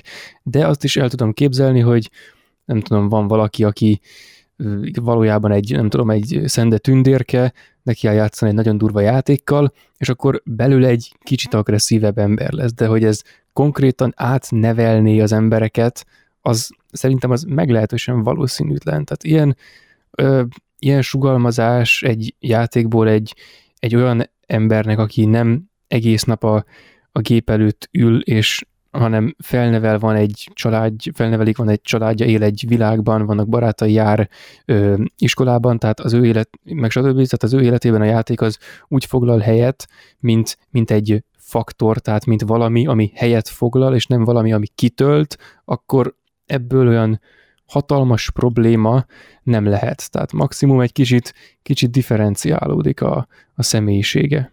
Uh-huh, abszolút egyetértek talán, amire meg tényleg azért érdemes figyelni, ezt mindig mondják, mert hogy ez egy ilyen nagyon fontos faktor, mert ugye nagyon kicsi gyerekeknek a fejében a mai napig nem tudjuk, hogy pontosan mi történik, hogy nagyon kicsi gyerekeknek tényleg talán nem a legvéresebb videójátékok valóak, de szerintem ezzel így mindenki egyetért, hogy talán egy ilyen korosztályi uh, differenciálást a szülőnek azért érdemes tenni. Uh, ez az egyik dolog. A másik dolog meg az, hogy hát a szülőnek abban is van felelőssége, hogy ne függjön rá a gyerek a játékokra, mert biztos mindannyian tapasztaltátok, akik játszottatok, hogy játszani nagyon jó. És a nagyon jó dolgokra könnyű ráfüggeni, könnyű utána csak azt csinálni, rohadt nehéz utána a játékból egy olyan tevékenységbe átváltani, ami kötelező és nem annyira jó, mint mondjuk a házi, ami azért a házi feladat megírás azért az mégiscsak, főleg a kisgyerekeknél, hát így hatással van utána az egész életükre, meg érdemes megtanulniuk mondjuk írni, olvasni, meg számolni, tehát ezek talán ilyen elvárható skillek, és és hát a szülőnek azért abban van felelőssége, hogy mennyi időt enged a játékra a nagyon kicsi gyerekeknek. És igen, még talán erről szokott beszélni igazából a pszichológia, hogy a videójátékoknak a függőségi tényezője azért az durva, mert hogy nagyon jutalmazó, iszonyatosan erősen benne tart a játékban, és mondjuk az MMORPG-knél lehet, hogy többen is tapasztaltátok, hogy iszonyú durva be, ilyen, ilyen ilyen húzása van, ha nem, nem mész fel minden nap, akkor nem kapod meg a déli rewardokat, hogyha nem töltesz vele x időt, akkor nem kapod meg az achievementeket, és hogy folyamatosan a játék mindent megtesz azért, hogy te minél több időt töltsél vele, és neki ez tényleg ilyen kifejezett célja is, és hát nagyon könnyű belecsúszni egy ilyen nem élem az életemet, hanem akkor inkább, nem tudom, bobozok fázisba. Úgyhogy talán ez a kettő ilyen, ilyen veszélye van ennek a, ennek a videójáték kérdéskörnek, de szerintem azért levonhatjuk a konklúziót, nem? Hogy a videójátékok ezért ennek ellenére nagyon jó dolgok, és hogy szerintem nem szabad a gyerekeket ezektől félteni, meg eltiltani. Semmiképpen sem. De egyébként Igen. nekem volt ilyen, ilyen függőségem. Pedig én aztán nem vagyok hajlamos függőségre, akármit kipróbáltam valaha az életben, ami jó, nem fügtem rá soha, tehát másodszor nem is kellett. Most itt nem drogokra gondolok, az, olyat még soha nem Majdnem mondtam ki. valamit, csak nem jutott eszembe elég kirívó. Nem kábítószereztem, megnyugtatok mindenkit. Viszont játékra fügtem rá, ez volt 2009 körül, Metin 2. Uhú, arra nagyon sok mindenki emlékszik, az, az, egy, az egy iszonyatosan brutál függőséget kialakító játék. És emlékszem, hogy az összes kis zseppénzemet, a karácsonyi pénzemet, mindent arra költöttem. De annyiból jó volt, hogy rengeteg embert ismertem meg abban a játékban, akikkel a mai napig nagyon jóban vagyok, vagy ha nem is vagyunk már olyan nagyon baráti viszonyban, de nagyon sok ideig, tehát évekig, sok-sok évig nagyon-nagyon jó barátok voltunk, és nem csak a neten, hanem élőben is, és talán ez a jó az MMORPG-kben, hogy megismeretsz új embereket is, akik, akikkel amúgy másképpen soha büdös életben nem ismerkedtél volna meg, viszont lehúzósak nagyon, és tényleg függőséget okoznak azok miatt, amiket a Csoki is elmondott, hogy próbál mindig bent tartani. És ez rohadtul nem jó, és a gyerekeknek meg aztán főleg nem jó, hogy tényleg az összes zseppénzemet arra, arra költöttem, és nagyon megbántam a végén, de a jó hír az, hogy magamtól leszoktam arról a játékról, meg így mindenről is, ahogy folyamatosan nőttem fel, úgy egyre kevésbé kezdtek vonzani a játékok, a számítógépes játékok. Ma már nem is játszok olyan sokat, ha játszok is, azt is azért, mert közben beszélgetek, meg közben a barátaimmal ö, ö, vagyok legalább addig is online, hogyha már másképp nem. Meg hát itt volt ez a járvány, ami ugye sokak szerint nem létezik, és másképpen nem nagyon tudtam olyan barátokkal lenni, akik messze laknak, és akkor csak így játékon keresztül tudtunk együtt lenni a virtuális térben, úgyhogy ezekre nagyon jók a játékok, szóval mindenek van pozitív oldala, és ennek is. Ja, ja, ezt elég jól összefoglaltad. Ja, hát meg nem lettem pszichopata sem. Pedig én gyerekkoromban... De még előtted ha... az élet. hát az, vagy hát pszichopata nem tudsz lenni, szociopata nem lettem. Pedig ahogy a Csoki is mondta, nem kéne gyerekeknek véres játékokkal játszani, de hát én nekem volt egy nagy bátyám, vagy hát még mindig van, de akkoriban kb. bátyámként tekintettem rá, volt köztünk 15 év, és hát ő neki volt egy Playstation-je, és amikor nála voltam, akkor játszottunk. Neki meg csak véres horrorjátékai voltak, meg ilyenek. És hát megengedte, hogy játszak azokkal. Emlékszem, hogy rohadtul fostam tőlük, de élveztem ezeket a játékokat, mert adrenalint mm, okozott, fel voltam töltődve adrenalinnal konkrétan, és, és ez valamiért így, így jó volt nekem gyerekként. Mint mondjuk az oroszlán királlyal játszani, azért, azért jobban élveztem, és később még ilyen tíz évesen is a kis másolt CD-ken kaptam játékokat, mint például a Postal 2, ami egy rohadt véres játék, és iszonyatosan beteg játék, és emlékszem, hogy tíz évesen így csapkodom le az emberek fejét egy lapáttal, és így rugdosom őket a földön, meg lehugyozom, meg leöntöm benzinnel, és felgyújtom. De azért, mert érdekelt az gyerekként, mint tapasztalatlan ember, érdekelt az, hogy milyen az, amikor meghal mondjuk egy ember, és ez mondjuk egy játékban ezt ki lehetett próbálni, nyilván nem adja vissza hitelesen, de gyerekeket minden ilyen szar érdekli, és ettől nem lesz uh, szociopata, vagy nem lesz egy beteg fasz, csak nincs elég tapasztalata, és, és érdekli. Ezért érdekli a kisgyerekeket a szex, hogy mi az a szex mi, például. Ez ugyanilyen. És ez nem azt jelenti, hogy már hat évesen kefél orba szájba, csak egyszerűen érdekli, nem tudja mi az. Ugyanilyen a bármilyen hétköznapi dolog is, vagy mit tudom én. Engem mindig érdekelt, hogy milyen az, amikor karambolóznak egy autóval, és mindig próbáltam autós játékokat keresni, hogy minél jobban széttörjem az autót, mert érdekelt, hogy milyen az, amikor széttör egy autó. Igen, de meg ez, amit mondtál, hogy ütögetted le lapáttal a fejüket, na ez tök olyan, mint amikor nem tudom, a nagyéknál a kisunokák kimennek a kertbe, és szétnyomják a hangyákat. Tehát, hogy a kegyetlenkedési faktor a kisgyerekben, mint hogy nem tanulta még meg az erkölcsöt, az akkor is megvan, vagy hát meg lesz a kíváncsiság révén, és akkor fogjuk a kíváncsiságra. Bocsánat, zárja bezár. Tehát itt most, hogy a videójátékokkal történik ez, lehet, hogy ez még egyel finomabb is, mint hogyha máshogyan történne. Engem abszolút sokkoltatok ezekkel a példákkal, most próbálom magamat visszaépíteni. Azért szeretném elmondani a gyerekhallgatóinknak, hogy a, a, az autó összetörése egyáltalán nem jó vicc. Én már próbáltam, a való világban borzasztóan rossz élmény, úgyhogy a valóságos autókat nem szabad összetörni. Játékban persze egyébként mindent ki lehet próbálni, és hogyha ha valami egyébként varázslatos a játékokban, akkor az tényleg ez a korlátok nélküli világ, nem? Hogy így olyan játékelményeket tudnak adni a játékok, olyan ö, ilyen, ilyen valósági jellegű terekben tudsz kipróbálni dolgokat, amik gyakorlatilag ö, tényleg így a valóságon kívüli ilyen terek, meg, meg olyan tevékenységek, amiket a való világban soha nem tudnám megcsinálni. És oké, okay, értem, a valóság az, az, az valóság, tehát itt valódi dolgokat lehet kipróbálni, az itteni élmények sokkal érdekesebbek, lehet, hogy a Himaláját megmászni tényleg teljesen más élmény, mint a számítógép előtt ülve, de hogy azért azokat az élményeket, amiket te soha nem fogsz tudni átélni, és biztosan nem, biztos, hogy nem fogsz egy űrhajóval száguldozni a, nem tudom, a galaxison kívül, ezt az ebben láthatjuk, ezeket kipróbálni, vagy elfantáziálni arról, hogy milyen lehet, az ez király. Hát, és érdekes, hogy nem azt mondtad, hogy soha nem fogjuk leütni emberek fejét lapáttal, majd hát lehugyozni és felgyújtani benzin. Nem, mintha erre vártam volna, de jó, igen.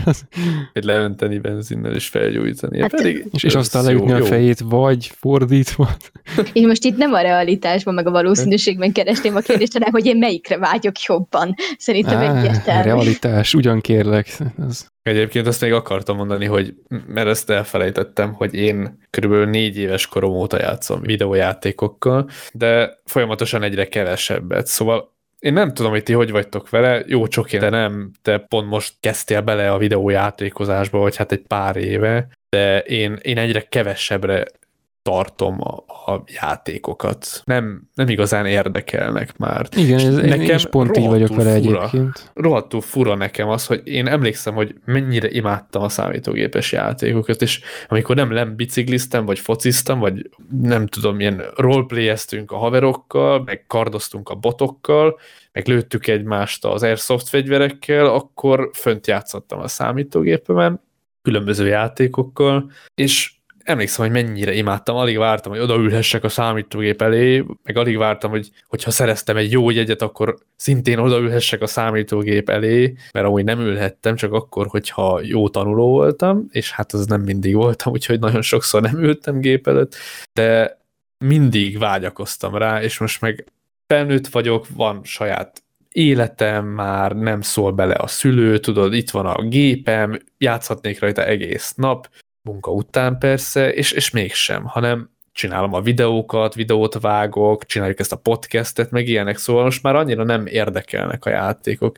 És szerintem ez nagyon sok mindenkinél így lesz, hogy ahogy idősödik, egyre inkább már nem érdeklik a játékok, és én tényleg úgy vagyok vele, hogy te is Gergő, hogy már nem nagyon kötnek le a játékok, és tényleg én is maximum maximum a két kezemen tudnám megszámolni, hogy mivel játszottam 10 óránál többet az elmúlt 5 évben, mert nem igazán van olyan. Talán egy-két játék, de az is azért, mert barátokkal játszottunk, és, és sokat. Ilyen volt például a Terraria, ugye Csoki? Azzal nagyon sokat játszottam veletek, de azt is csak esténként egy pár órát, és, és én nagyon élveztem, de egyébként így nem igazán érdekelnek már a játékok.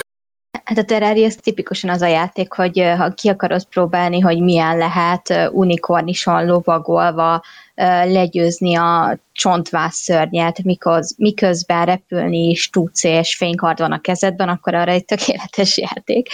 És hogy nem tudom, ez nekem is egészen elvarázsoló volt. De egyébként azt akartam mondani, hogy az én felnőtt barátaim között, akik sokat játszanak, ők még most is nagyon sokat játszanak. Sőt, amióta kikerültek az egyetemre, azóta állandóan játszanak, ha, ha, ha nem dolgoznak. Szóval de, ők, de ők mindig játszottak, vagy csak azóta? Ők mindig játszottak. Hát ez, ez az igazi kocka élet, tudod. Igen, az igazi kocka. Amit nem nősz ki. Na hát én, én nagyon szomorú lennék, ha ezt nem nőttem volna ki, mert akkor még mindig ott tartanék, hogy, hogy egész nap játszok. És akkor most nem lenne ideológiák tárháza, meg nem lennének választottál magadnak fasza egy... ambient zenék, meg mit tudom én, micsoda. Ja, választottál magadnak egy másik függőséget. Ez nem függőség, mert ezt nem, nem mind, ezt nem mindig élvezettel csinálom, például a videóvágást, azt rohadtul nem, ezt gyűlölöm, de kell valakinek csinálni.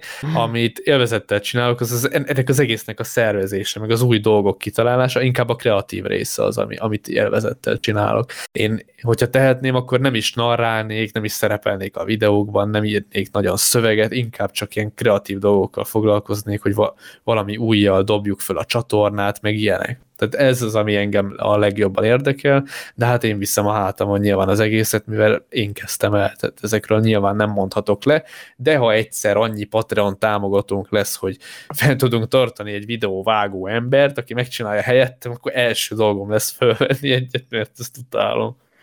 Akkor jól értem, hogy a teljes boldogsághoz neked csak egy, egy, kis lány, kell. egy lány narrátor kell, aki miatt sikeresebb lesz a csatornád, és egy vágó ember, aki megcsinálja a legkevésbé szeretett munkafolyamatodat. És Meg egy Gergő, aki megírja a filozófia videókat. Ja, illetve aki nem írja a filozófia videókat, maradjuk a realitásra. Meg egy, meg egy Ritter, aki átírja a szövegeimet így 98 ja, Igen, a rögzítés előtti este négy oldalból nyolc oldal lesz, és így lol. Igen. Ja, úgyhogy, úgyhogy én ezzel így vagyok. Hát kívánom, hogy minden vágyat teljesüljön. Nagyon szépen köszönöm. És hát sajnos véget is ért szerintem az adásunk, mert szerintem megint megvan a másfél óra, úgyhogy még valami hozzáfűzni való esetleg. Annyi életbölcsesség volt, hogy már túlzás lenne. Na, jó, hát akkor viszont Ennyi volt, köszönjük nagyon szépen a figyelmet, és hát találkozunk majd jövő szerdán a következő részben, amikor viszont arról fogunk egy kicsit beszélni, hogy hogyan készítjük a videóinkat, hogy egy kicsit így belelássatok a háttérmunkálatokba.